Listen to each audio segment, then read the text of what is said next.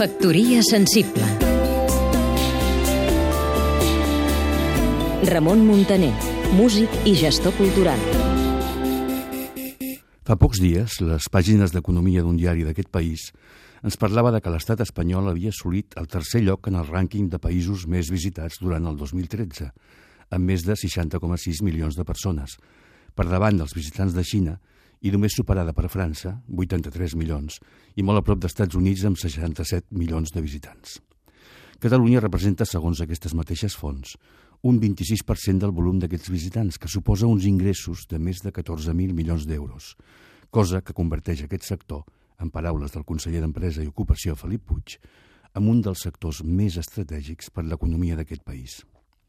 Segurament, algunes de les claus per entendre aquestes dades tenen a veure amb un conjunt de valors intangibles de les nostres peculiaritats climàtiques i gastronòmiques, d'un determinat estil de vida impregnat d'un caràcter mediterrani que, acompanyats d'una bona gestió conjunta, pública i privada,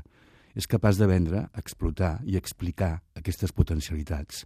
i acaba donant els seus fruits. La gran assignatura pendent d'aquesta realitat és com el sector cultural, en el seu conjunt, i especialment les arts escèniques i musicals,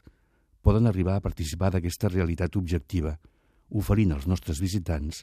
propostes que, més enllà de les òbvies, Gaudí, Dalí, Picasso, Miró, d'altra banda totalment respectables i recomanables, puguin arribar a interessar, seduir i estimular les seves curiositats i els seus estímuls culturals. Factoria sensible Seguim-nos també a catradio.cat